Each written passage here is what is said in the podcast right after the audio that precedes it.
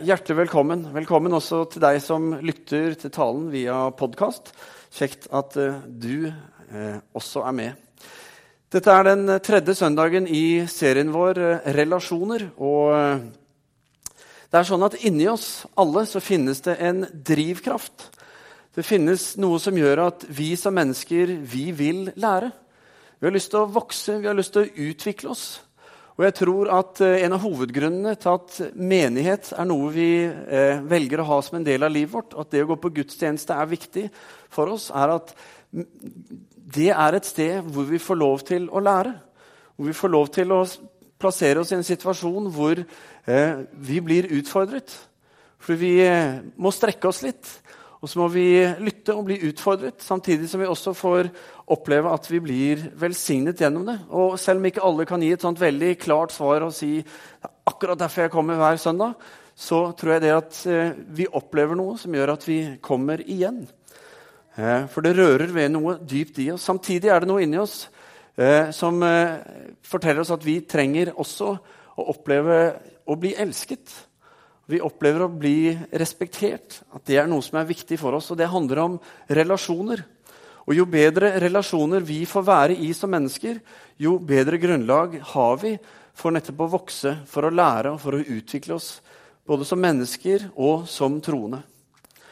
Nøkkelen til relasjon med Gud, som vi snakket om eh, for to uker siden, det er å få se at Gud gjennom Jesus så demonstrerer han sin ubetingede kjærlighet Eh, til oss, sin respekt for oss som mennesker. Han har gjort alt i sin makt for at du og jeg skal få lov til å eh, ta imot og få lov til å prøve å forstå den sannheten at vi er elsket av Han uansett hvordan livet ser ut, og hvordan vi lykkes med det. Og Uansett hva vi måtte velge i forhold til Gud, så er det en sannhet om at eh, enten vi velger å si ja til Gud, eller vi ikke vet hva vi skal si, eller vi sier nei, så elsker Gud oss like høyt uansett. Forskjellen er bare om vi får erfare det i livene våre. Og Gud elsker oss og respekterer oss uansett. Sist søndag så snakket pastor eh, Inger Kittelsen om uh, menigheten. Menigheten som Jesus grunnla, som han ga oss for at dette skulle være et sted hvor vi kunne sammen Eh, komme og ha fellesskap med hverandre. Sammen få lov til å lære, sammen få lov til å elske og respektere hverandre. Og få lov til å eh, bruke det som Gud gir oss. Og Dermed så er menigheten som Inger sa, noe som er viktig. Fordi, først og fremst fordi Gud har sagt at dette er eh, noe som han ønsker at vi skal være en del av. Eh, og jeg tror at Jo mer vi utforsker menighet, jo mer vil vi se at vi trenger menighet. Og så vil vi også se at menigheten trenger oss. Fordi vi er alle, som kristne, så er vi skapt til å være en del av menigheten. Som et lem på Kristi legeme. Og eh, Menighet handler ikke først og fremst om at alt i menigheten skal være akkurat sånn som jeg vil ha det. Men menighet handler om at Gud har sagt at her ønsker han å møte oss. Her ønsker han å virke med sin kraft. I dag skal vi snakke om vår relasjon til oss selv. Og eh, Utgangspunktet for denne serien relasjoner eh, er det som eh, vi kaller det dobbelte kjærlighetsbud, og som vi finner i Matteus 22. Hvor vi ser i vers 36 at det kommer en skriftlærd, en lovkyndig. Han kommer til Jesus. Og han er egentlig ute etter for å sette Jesus på prøve. Og det Han gjør er at han spør Jesus hva er det største og viktigste budet i loven. Og loven, eh, den er svær. Den eh, er representert ved 76 eh, kapitler i Mosebøkene. Det er masse bud, det er masse regler, og her er det lett å trå feil. Men når Jesus svarer, så sier han ikke bare hva som er det største og viktigste i loven, altså i disse Mosebøkene, men han summerer opp hele loven og alt det som profetene etter dem har kommet med. Jesus er en som eh, har fått visdom. Og så sier han disse versene.: Du skal elske Herren din Gud av hele ditt hjerte og av hele din sjel og av all din forstand. Dette er det første og største budet. Men det andre er like stort, sier Jesus. Du skal elske din neste som deg selv. Det er ikke tvil om at eh, når Jesus oppsummerer det viktigste, så setter han relasjoner i høysetet. Relasjonen vår til Gud og relasjonen vår til menneskene rundt oss, og ikke minst også relasjonen til oss selv. Og så er det viktige er dette ordet 'elske', og hva som legges i det å elske. Og at den kjærligheten vi har i våre relasjoner, at den skal helst fødes ut ifra Guds kjærlighet, og sånn han møter oss. I forbindelse med en rettssak som var, så hentet eh, Forsvaret inn et vitne. Og dette vitnet var en eh, eldre kvinne. En eh, dame som snakket godt for seg og var godt kjent i byen og likt av mange. Og hun tok inn sin plass og lovte å, å tale sant. Og forsvareren han åpnet med å spørre og sa 'Fru Olsen'. Eh, mitt navn er, som du kanskje vet, eh, Tormod Engel. Eh, og jeg lurer på kjenner du meg? Og eh, fru Olsen hun sa ja, det vil jeg da virkelig si at jeg gjør. Jeg har kjent deg siden du var eh, bare en guttunge. Og skal jeg være ærlig, så må jeg si at du er blitt eh, litt av en skuffelse. Du lyver. Du er utro mot kona di. Du manipulerer og baksnakker alle mennesker som du omgås. Og så tror du at du er blitt en sånn superadvokat. Når sannheten er egentlig at uh, du bare danser etter uh, noen fås uh, fløyte. så ja, jeg vil si at jeg kjenner deg, Tormod. Tormod var som du forstår, helt i sjokk over dette svaret som han fikk. Og visste ikke helt hva han skulle gjøre, annet enn bare å fortsette på en måte tankegangen sin. Og det var, Fru Olsen, Kjenner du advokat Frank Nilsen her fra påtalemyndighetene? Ja, Frank ja, han er kjent siden han ble født. Og han, han er blitt en sånn der fordomsfull latsabb. Han drikker altfor mye alkohol. Og han klarer ikke å håndtere et eneste normalt vennskap med noen som helst. Og han gjør faktisk synes jeg, en ganske dårlig jobb for påtalemyndigheten også. I tillegg så har han hatt tre forhold utenom ekteskapet. Så ja, jeg vil si at jeg kjenner Frank ganske godt. Og ikke overraskende så Frank holdt jo på å dø der han satt, for dette var han i hvert fall ikke forberedt på, han heller. Og mens det var en sånn blanding av litt sånn latter og vantro i rettssalen, så kalte lagdommeren fram disse to advokatene, Frank og Tormod, fram til seg. Og så hvisket han på en ganske bestemt måte over skranken sin sa han, Hvis en av dere prøver å spørre henne om hun kjenner meg, da går det rett på cella med dere. sånn.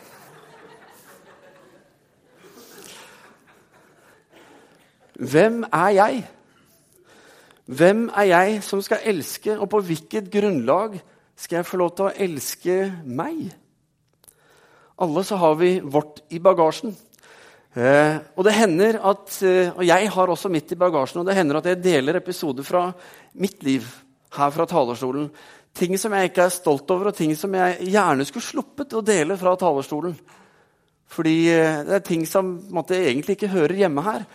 Men så er det sånn at eh, når jeg deler det, så deler jeg det fordi jeg har fått erfare at Gud har gjort noe i mitt liv i forhold til det. Han har satt meg fri. Og så vet jeg at eh, det jeg har slitt med, statistisk sett, så er det en del her inne som eh, på et eller annet tidspunkt kommer til eller faktisk sliter med det samme. Og Derfor opplever jeg at det er relevant å si at Jesus kan sette fri.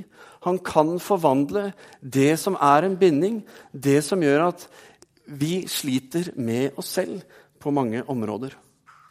Og faktisk er Det sånn at det er så mange ting i livet som vi kan bli bærere av, og som binder oss, og som kommer inn og stenger eller eh, hindrer oss i å ha et eh, Eller at Gud får gjøre sitt verk. At han får lov til å elske oss slik han vil og som stenger hans vei inn i livene våre. Og disse tingene påvirker våre relasjoner og påvirker også min relasjon til meg selv.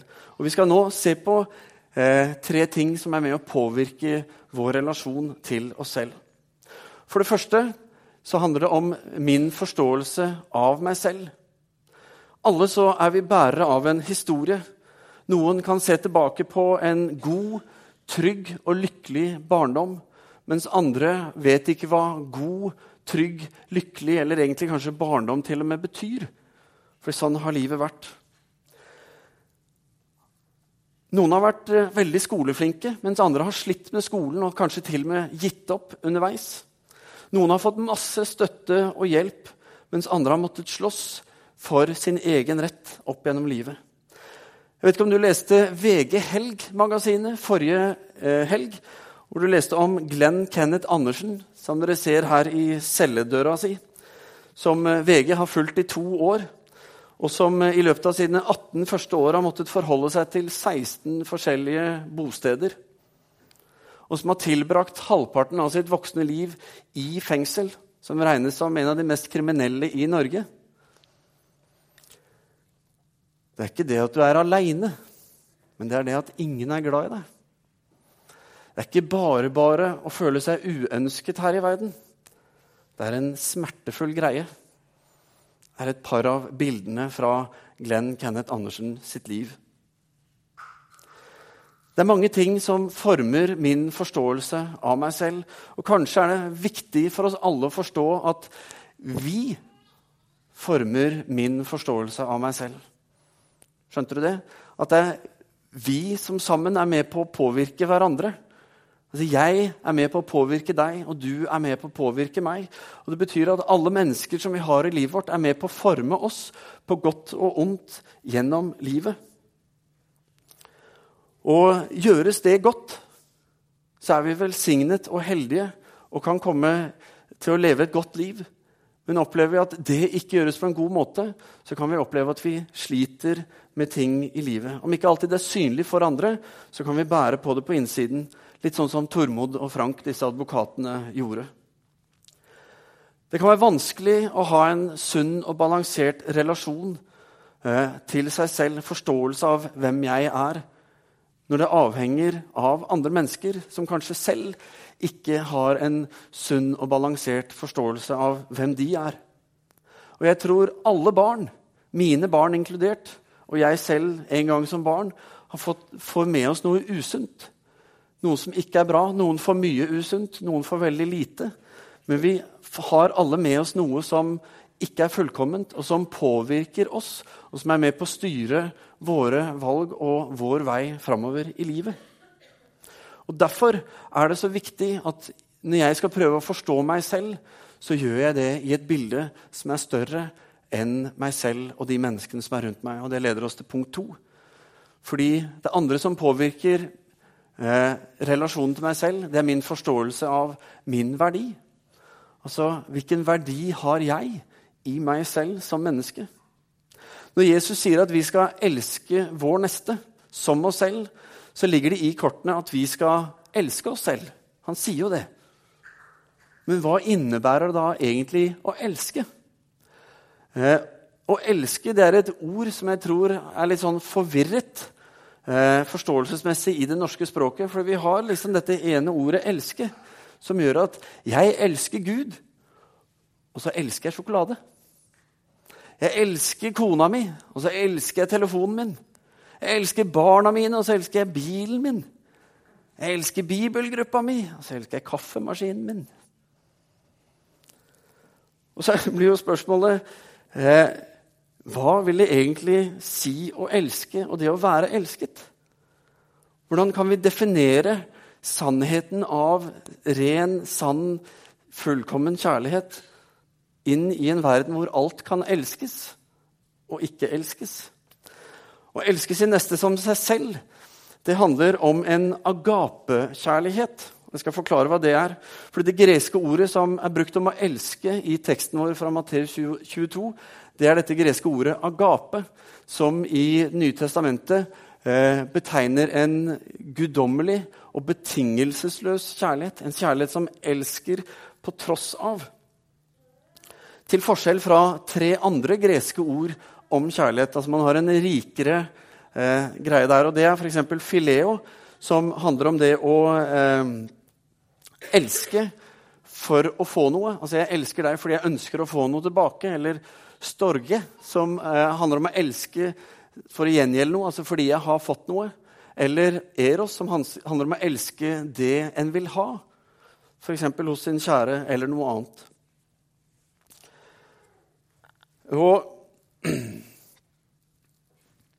å elske slik Jesus snakker om her, det handler altså om å elske på tross av. En slik kjærlighet den er ikke følelsesløs, men den er betingelsesløs. Den kan være proppfull av følelser, men den krever ikke disse følelsene. Sann kjærlighet, det begynner i det betingelsesløse. Paulus beskriver kjærligheten i 1. Korinterbrev 13. Fra vers 4 så sier han kjærligheten den er tålmodig. Kjærligheten er velvillig. Den misunner ikke, den skryter ikke, er ikke hovmodig. Kjærligheten krenker ikke, den søker ikke sitt eget, er ikke oppfarende og gjemmer ikke på det onde. Den gleder seg ikke over urett, men har sin glede i sannheten. Kjærligheten den utholder alt, tror alt, håper alt og tåler alt. Og Når du kommer hjem, så kan du lese det om igjen, og så setter du Jesus inn istedenfor kjærlighet. Fordi Jesus er Guds kjærlighet, så vil du se hvordan det taler inn i livet ditt. Men poenget er skal jeg kunne leve i en sann og sunn relasjon til meg selv, så trenger jeg å erfare at jeg er elsket, at jeg er respektert for den jeg er. Og jo flere betingelser jeg kjenner, eh, henger ved den kjærligheten jeg enten opplever selv eller skal gi videre til meg selv for eksempel, eller andre, jo vanskeligere blir det å se at jeg faktisk er elsket for den jeg er. For når vi Jeg tror vi vet og kjenner når vi elskes betingelsesløst, og når vi ikke gjør det. Akkurat som det lille barnet som søker bort til mammas eller kanskje en av besteforeldrene sitt fang, kryper opp for å være der hos barnet. Nei, hos, eh, der å bare erfare denne grenseløse, betingelsesløse kjærligheten. Guds kjærlighet til oss den er demonstrert gjennom Jesu liv, Jesu død og hans oppstandelse. Og Det vitner om en betingelsesløs kjærlighet. Fordi det eh, Jesus gjør, det er at han går i døden for deg og meg. Han håndterer synden og straffen, skammen, alt det gale som vi går og bærer på, som holder oss nede. Det tar han hånd om lenge før vi har mulighet til å i det hele tatt gjøre noe med det selv. Til å en gang begå det. Så går han inn og så gjør han et oppgjør med dette ved å gå i døden for oss. Å være elsket betingelsesløst er å leve i vissheten om at jeg er allerede tilgitt. Straffen for alt det gale i mitt liv, det er tatt hånd om, det er gjort opp, det er betalt. Jeg trenger ikke å true andre rundt meg til stillhet for at de ikke skal avsløre noe ved meg som på en måte jeg skal være redd for, eller som skal si at jeg er dårlig. Sånn som dommeren måtte gjøre i historien vår. For synden vår er ikke et hinder så lenge vi går til Gud med den. Fordi der er den maktesløs. Der har den ingenting den skulle ha sagt i våre liv. Derfor gikk Jesus korsets vei for deg og meg. Når jeg tror, når jeg bekjenner og tar imot, så får jeg lov til å leve i og erfare denne betingelsesløse kjærligheten. Og hvis vi skal elske betingelsesløst, som jeg tror er kanskje den eh, store utfordringen i våre liv At ikke vi skal måle opp og vurdere kan jeg elske eller ikke, men at vi skal elske fordi han elsket oss først. At vi skal elske med en kjærlighet som han har elsket oss med. For Hvis jeg må stå til ansvar for alt det gale jeg har gjort, uten å ha Jesus der til å ta det for meg, ja, da sliter jeg ganske mye. Faktisk er døden, sier Bibelen, syndens straff. Men dette slipper jeg på grunn av Jesus. Jeg tror at uh, å elske betingelsesløst er noe som gjør oss avhengig av Gud. Vi trenger Guds perspektiv på oss selv. Vi trenger Guds perspektiv på den hverdagen vi lever i, på de omstendighetene vi står i. Og jeg tror når det perspektivet er noe vi søker, noe vi eh, ber Gud om å åpenbare for oss, så tror jeg det er med på å forvandle livene våre. Når vi får se Hans nåde og se at vi er elsket akkurat sånn som vi er. Det åpner nye dører til hvem vi er, og hva vi kan være. Og Det leder oss til det tredje og siste punktet, som handler om min forståelse av mine muligheter. Fordi sann kjærlighet, den forløser, den frigjør uante muligheter. Langt større enn det vi vet om. Paulus, han var det vi i dag ville kalt nærmest en terrorist. En IS, en som forfulgte mennesker for deres tros skyld. Som fikk de pisket, som fikk de fengslet, ja, som til og med eh, så at de ble drept som en konsekvens av hans forfølgelse. Han var en av de verste ut ifra sånn vi tenker her i Norge i dag.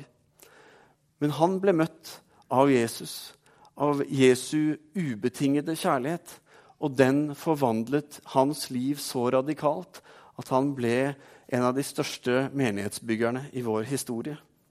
Og Han sier i Efeserbrevet kapittel 3, vers 20, så vitner han om dette som han har fått erfare, og som han får leve i. Så sier han om Jesus sier han, 'Han som virker i oss med sin kraft og kan gjøre uendelig mye mer enn det vi ber om og forstår.' Han være ære i eh, Kirken og i Kristus Jesus gjennom alle slekter og evigheter. Amen. Fordi når Han får virke i oss med sin kraft, så åpner det uendelig store muligheter. Han kan gjøre uendelig mye mer enn det vi tenker på, det vi tror er mulig, fordi han er Gud. Bare se på Noah, som begynte å bygge båten. Se på Moses, som fikk beskjed om å hente israelsfolket. Se på en Gideon, se på en Josfa, se på en David. Bare se på, ikke minst Jesus, hva han fikk til. Alt virker umulig, men med Gud og på grunn av Guds kjærlighet er ingenting umulig. Det bor utrolig mye mer i oss når Gud får virke i oss.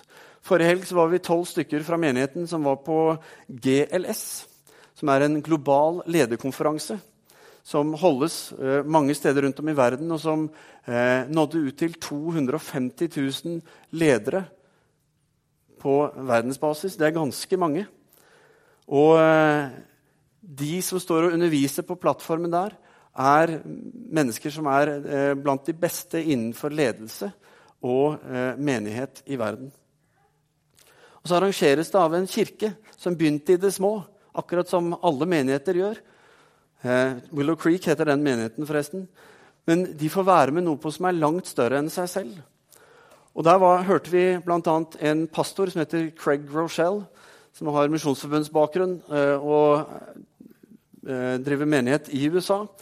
Han fortalte om et møte han hadde med en annen leder som heter Mark Button. Framfor at jeg forteller det, så skal dere selv få lov til å høre han fortelle det.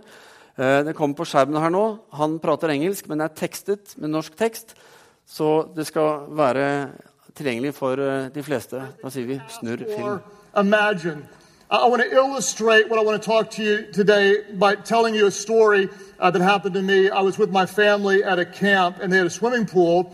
And there was a guy that walked up to me. His name is Mark Button. I found out later on that Mark actually invented uh, the Koosh ball, and is actually a, he works with CEOs. Mark came up to me and said, "Hey, it's nice to meet you." And we're talking. He said, "I bet you can't hold your breath underwater for a minute."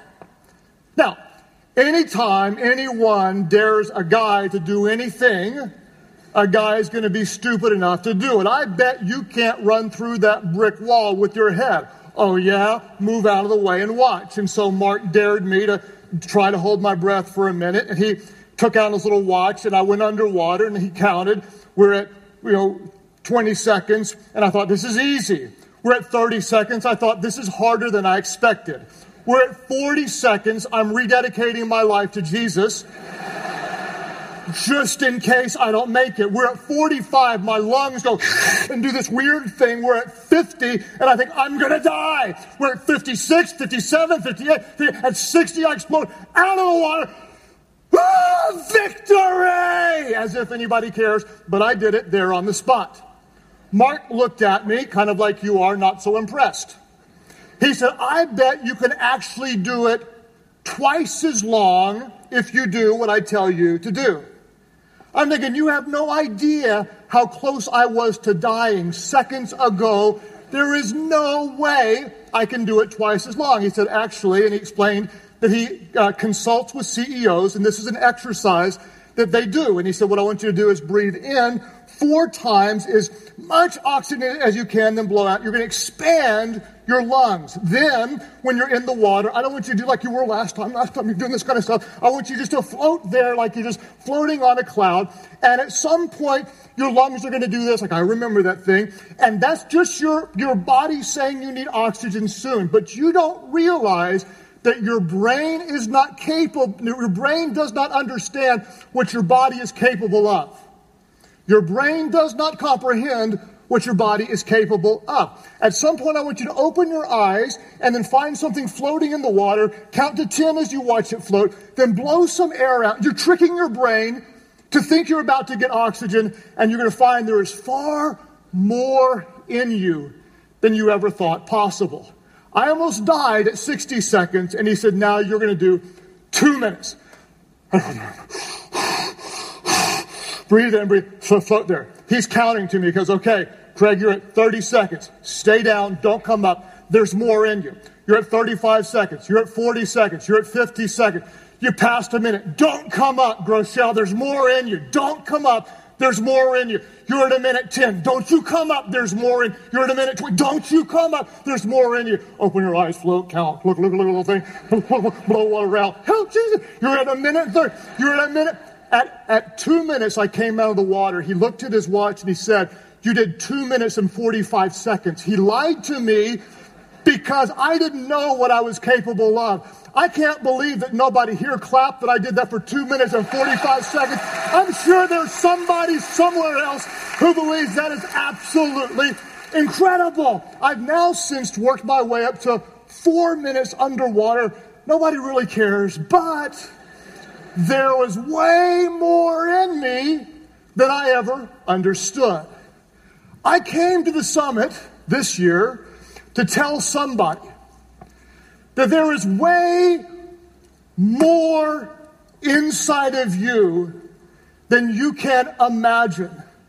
That our God wants to do exceedingly and abundantly more than you can even dream possible.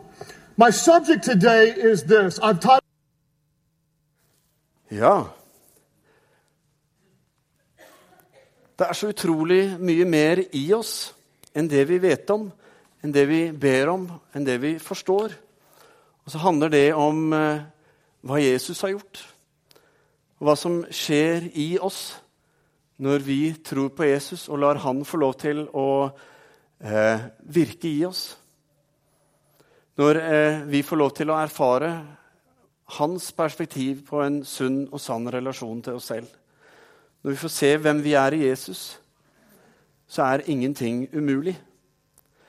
Men fordi vi ofte er bundet i våre relasjoner, og ofte bundet i relasjonen også til oss selv, så mister vi troens perspektiv på de omstendighetene vi lever i. Vi mister noe av den muligheten til å se hva, hva er det som faktisk Gud kan gjøre inn i min hverdag. Jeg vet ikke hvordan det er med deg, men skal jeg være ærlig med meg selv, så tror jeg at eh, det er lettere for meg å finne eh, mennesker i min hverdag som ikke på en måte er en del av, av menigheten, som jeg tenker eh, antagelig ikke vil velge å tro, enn det jeg vil finne mennesker som jeg tenker ja, der kan jeg være frimodig, for de kommer til å tro. Og sånn tror jeg mange kristne tenker. Altså, vi sliter med den der forståelsen av at det vi har, er bra nok, er godt nok. At det Jesus har gjort, er noe som faktisk vil forvandle liv og forvandle verden. Så handler det om eh, hindre som er i oss, hindre som eh, Gud ønsker å sette oss fri fra. Og Jesus kom for at vi skulle bli satt fri. Vi er skapt i Guds bilde til å reflektere hans gode vilje, til å representere han. Og Det betyr at slik Jesus gikk omkring på jorden og gjorde godt og møtte mennesker og eh, mennesker kom til han fordi det han delte, og det han representerte, var livsforvandlende, så tror jeg at det er noe vi skal få lov til å erfare også. At vi skal få erfare det inni den hverdagen vi har.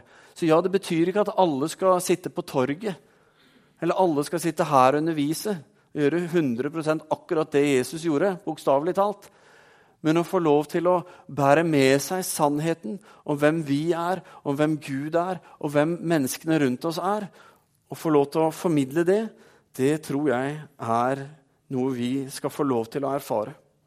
Og det handler om at Gud og Hans nåde er noe som får lov til å eh, røre ved oss. At vi søker Hans nåde, at vi vil lære, at vi vil vokse, at vi vil utvikle oss fordi Gud har mer å gi. Det skjer fordi han får være herre i våre liv. Ikke fordi vi lykkes med noe eller presterer eller klarer å få til, men fordi han får gjøre sitt verk, sin vilje.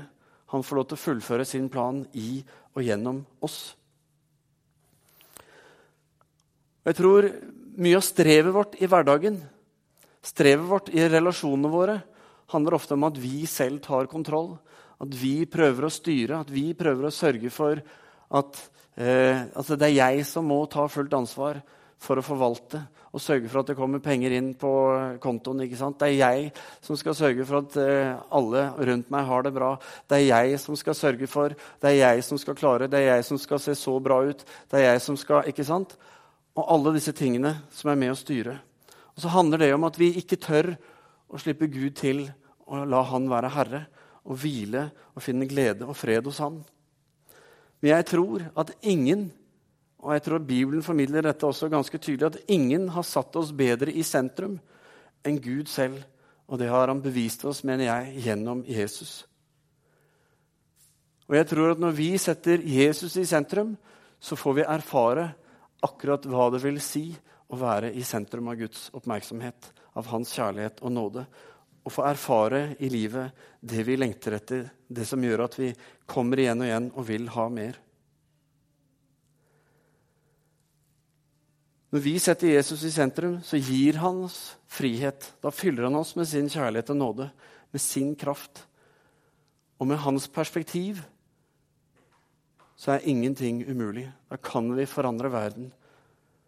Da er jeg en som virkelig er verdifull, en som er elsket, en som kan forandre, en som mennesker rundt meg vil være lykkelig over å få lov til å kjenne. Ikke fordi jeg er så bra, men fordi han som lever i meg, Jesus Kristus, han er så bra. Og det forandrer verden.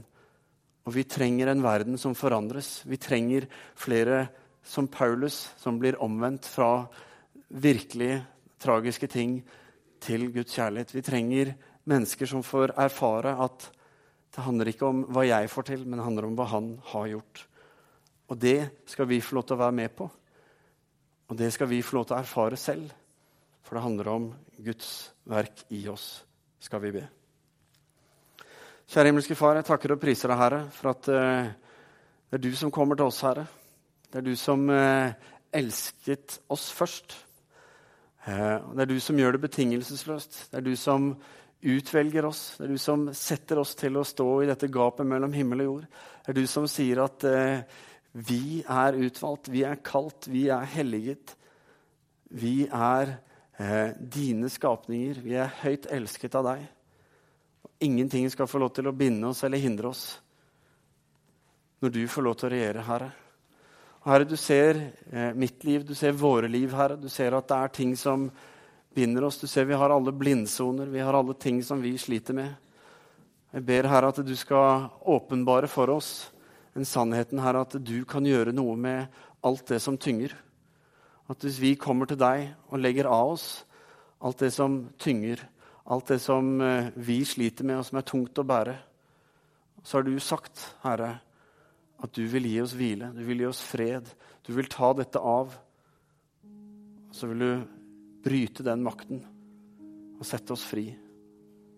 Så jeg ber Herre at eh, vi alle skal få erfare det.